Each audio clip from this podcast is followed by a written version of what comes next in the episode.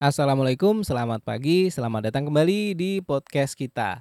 Mohon maaf agak berantakan nih timingnya, nggak bisa rutin. Sebenarnya kita juga ada channel di YouTube dan mungkin beda sedikit lah ya di YouTube lebih ke teknologi sama entrepreneurship.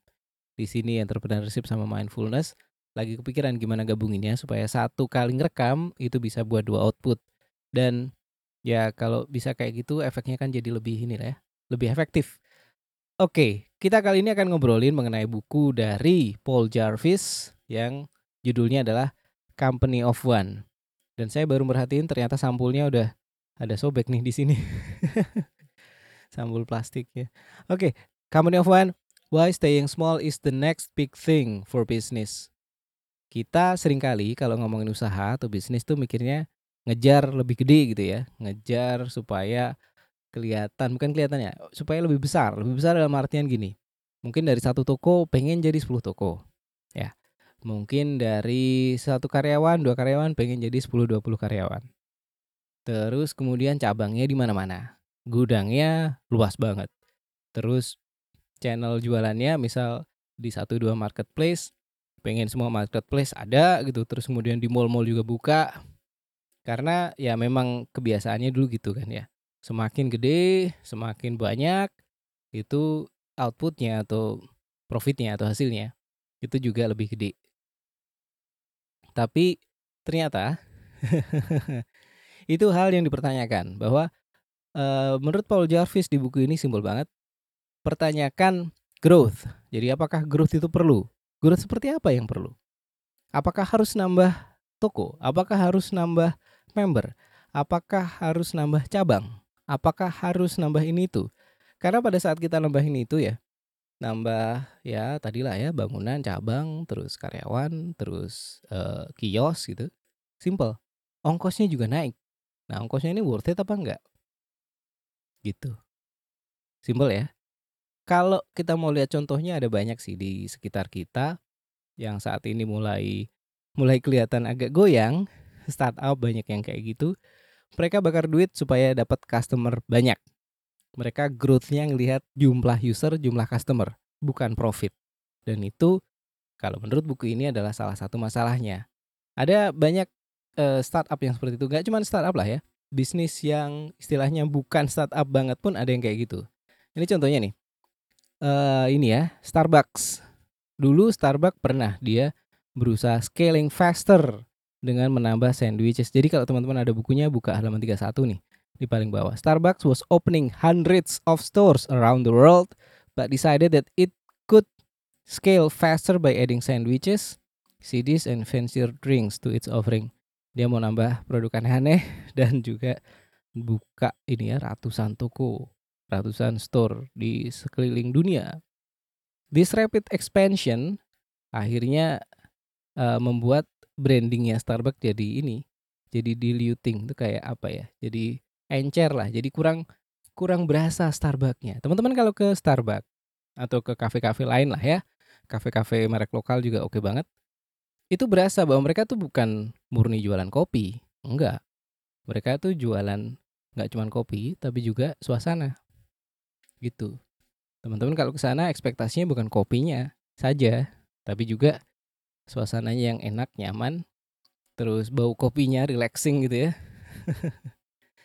terus buat ngobrol enak, buat baca buku enak, buat ngetik-ngetik tugas juga enak. Ya kan? Nah, dia si Starbucks ini berusaha untuk ngedein dan ternyata itu bikin branding dia ini kurang kurang pekat lagi gitu. Dan akhirnya ujungnya dia harus nutup 900 stores 900 kios karena decision yang kurang pas tadi. Jadi scaling up ternyata nggak cocok kalau modelnya kayak gitu.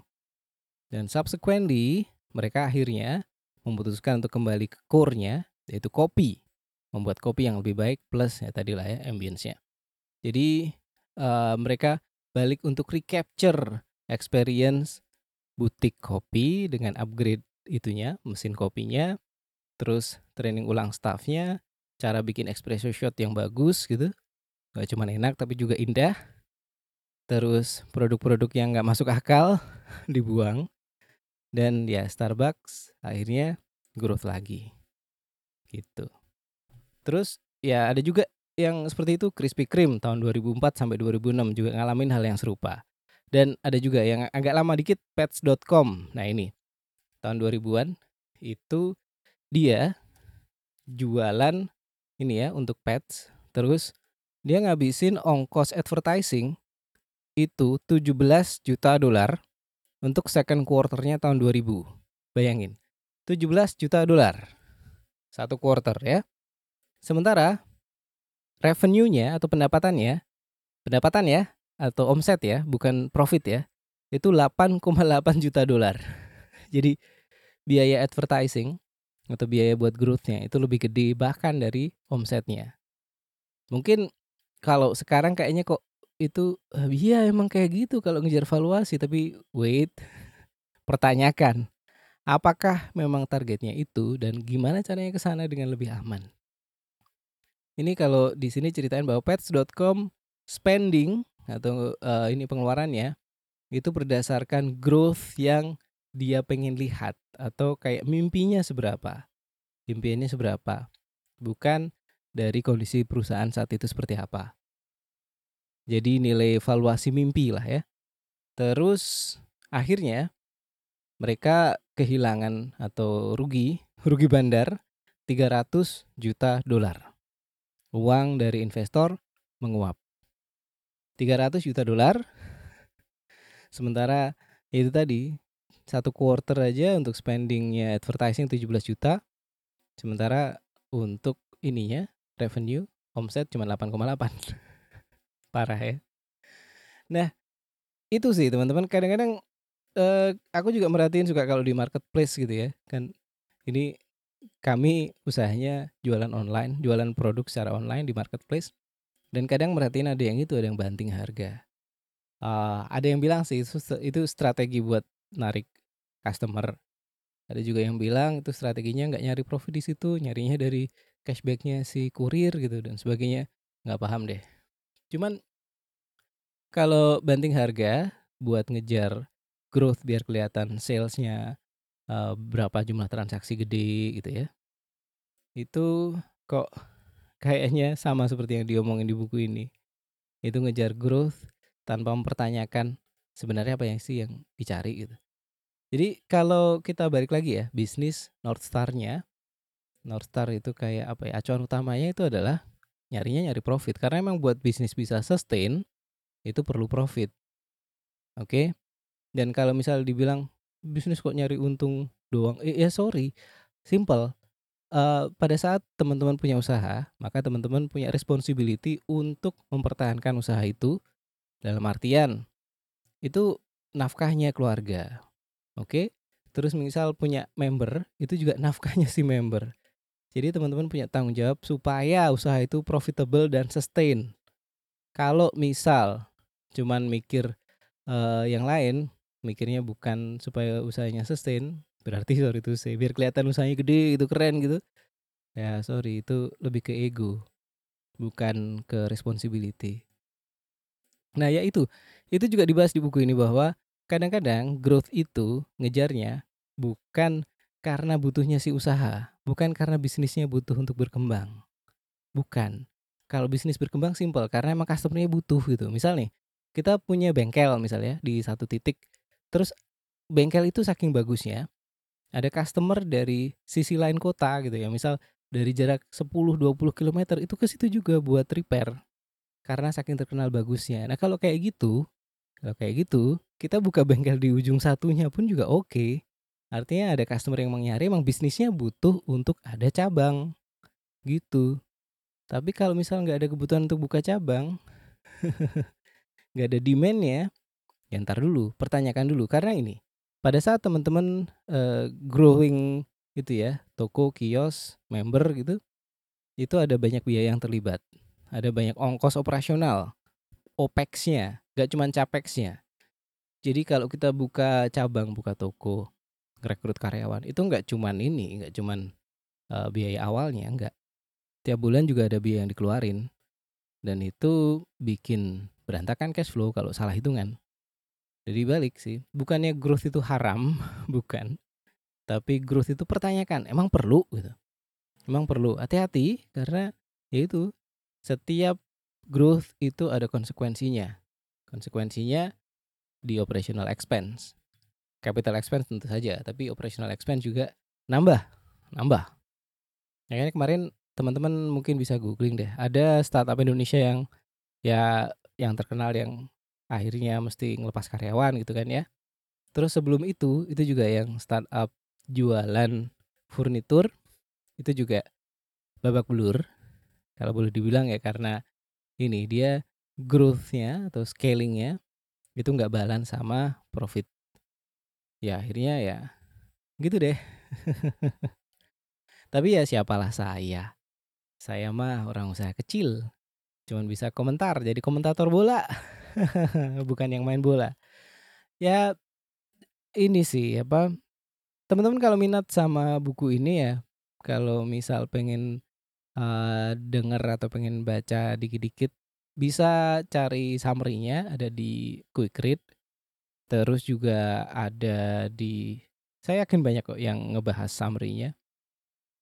Terus ya sambil sebagai pandangan lain bahwa bisnis itu nggak se apa ya nggak selalu seperti yang kita bayangin bahwa nambah toko, nambah kios, nambah gudang, nambah karyawan nggak nggak selalu kayak gitu. Jadi cek dulu apakah emang perlu gitu. Apakah emang perlu nggak gerusa-gerusu. Karena balik lagi, apakah emang bisnisnya perlu atau itu egonya kita atau itu egonya si investornya yang pengen kelihatan jadi gede gitu ya. Itu eh, mimpi saja atau itu sesuatu yang memang realistis gitu. Gitu sih. Memang sih ada konsekuensinya kalau kayak gitu ya. Uh, mungkin kayak risk risknya lebih rendah. Sementara di sisi lain biasanya kan high risk high return kan. Tapi ini risknya jadi lebih rendah. Returnnya mungkin gak segede yang high risk. Tapi kalau menurut saya sih usaha teman-teman bisa lebih sustain gitu. Terus sisi lain buku ini ada beberapa sih, ada mengenai uh, ya dia ada ngomongin masalah work life balance juga ada hubungannya sama company of one. Bahwa jadi gini. Misal nih, point of view-nya adalah misal teman-teman punya usaha yang menghasilkan untuk teman-teman bawa pulang as ownernya atau as manajemennya lah ya. Itu teman-teman bisa bawa pulang misal sebulan 5 juta misal. Misal nih ya, misal 5 juta. Sementara teman-teman ngitung untuk hidup proper plus-plus gitu ya, proper dalam artian untuk kebutuhan keluarga, untuk kebutuhan ini itu, untuk nabung sekolah anak, untuk nabung mungkin ongkos naik haji atau mau umroh gitu atau mau jalan-jalan apa pun lah ya. Itu teman-teman hitung misal sebulan itu butuh misal 15 juta. Maka yang teman-teman kejar adalah target ke 15 nya itu gitu. Atau mau diapin lagi juga boleh nggak apa-apa. Tapi begitu misal teman-teman udah sampai ke level pendapatan tiap bulannya 15 sampai 20 gitu ya sementara yang dibutuhin 15 misal 15 sampai 20 maka ini eh, kadang-kadang yang berlaku adalah kalau mau naik lagi, teman-teman harus sacrifice waktu lagi, ya enggak? Sacrifice waktu, tenaga, pikiran, biaya gitu. Nah, di situ juga muncul pertanyaan. Mau di segitu level segitu level 15 sampai 20 itu atau mau ngejar level yang lebih tinggi? Di buku ini balik lagi pertanyakan, butuh yang lebih tinggi apa enggak gitu. Kadang-kadang lebih ke emosional kita, lebih ke ego kita bahwa oh kita butuh sampai 40 50 juta sebulan. Padahal mungkin kalau di review sebenarnya kita cuma butuh berapa sih? 15 sampai 20 udah cukup? Ya udah. Kalau 15 sampai 20 udah cukup, ya bisa dianggap itu target saat ini. Jangan maksain dulu ke lebih dari itu. Karena nanti effortnya untuk lebih dari itu teman-teman ngorbanin waktu. Ngorbanin tenaga, biaya. Sementara mungkin dari awalnya teman-teman pengen bikin bisnis yang di situ ada cukup waktu buat keluarga. Jadi kalau misal balik lagi sih, North Star-nya apa sih? Uh, tujuan utamanya atau orientasinya apa dulu sih? Kalau misal orientasinya adalah supaya punya usaha yang supaya bisa deket nyantai sama keluarga dan menghasilkan profit yang cukup untuk kehidupan keluarga, cukup plus-plus ya. kalau cukup aja kadang tanda tanya sih. Kalau cukup aja berarti nggak bisa nabung buat ini itu dong gitu kan. Ya oke okay lah, cukup plus-plus ya. Kalau udah sampai titik itu ya udah. Sisanya teman-teman punya pilihan. Sisanya misalnya ya uh, bisa buat waktu atau tenaganya sisanya bisa buat keluarga atau bisa buat gedein bisnis atau mau dibagi 50-50 itu teman-teman yang nentuin. Tapi uh, bukan terus pasti untuk gedein bisnis enggak. Pertanyakan itu, pertanyakan apakah perlu memang gedein bisnis se, se segede gitu gitu. Maksudnya apa perlu dikejar gitu. Kalau di buku ini ada contoh yang uh, dia punya usaha, dia targetin setahun tuh aku lupa angka persisnya ya. Misal uh, sekian ratus ribu US dollar gitu. Dan dia bisa mencapai angka itu dalam kerja 9 bulan. Sisanya tiga bulan dia pakai buat liburan sama keluarga, santai, terus recharge gitu. Dan tahun berikutnya dia targetnya dinaikin bisa-bisa aja dinaikin karena kualitas kerjanya lebih bagus. Jadi ini lebih ke ngomongin kualitas ketimbang kuantitas. Oke. Kapan-kapan kita kayaknya asik dibahas lagi. Ini udah 16 menitan.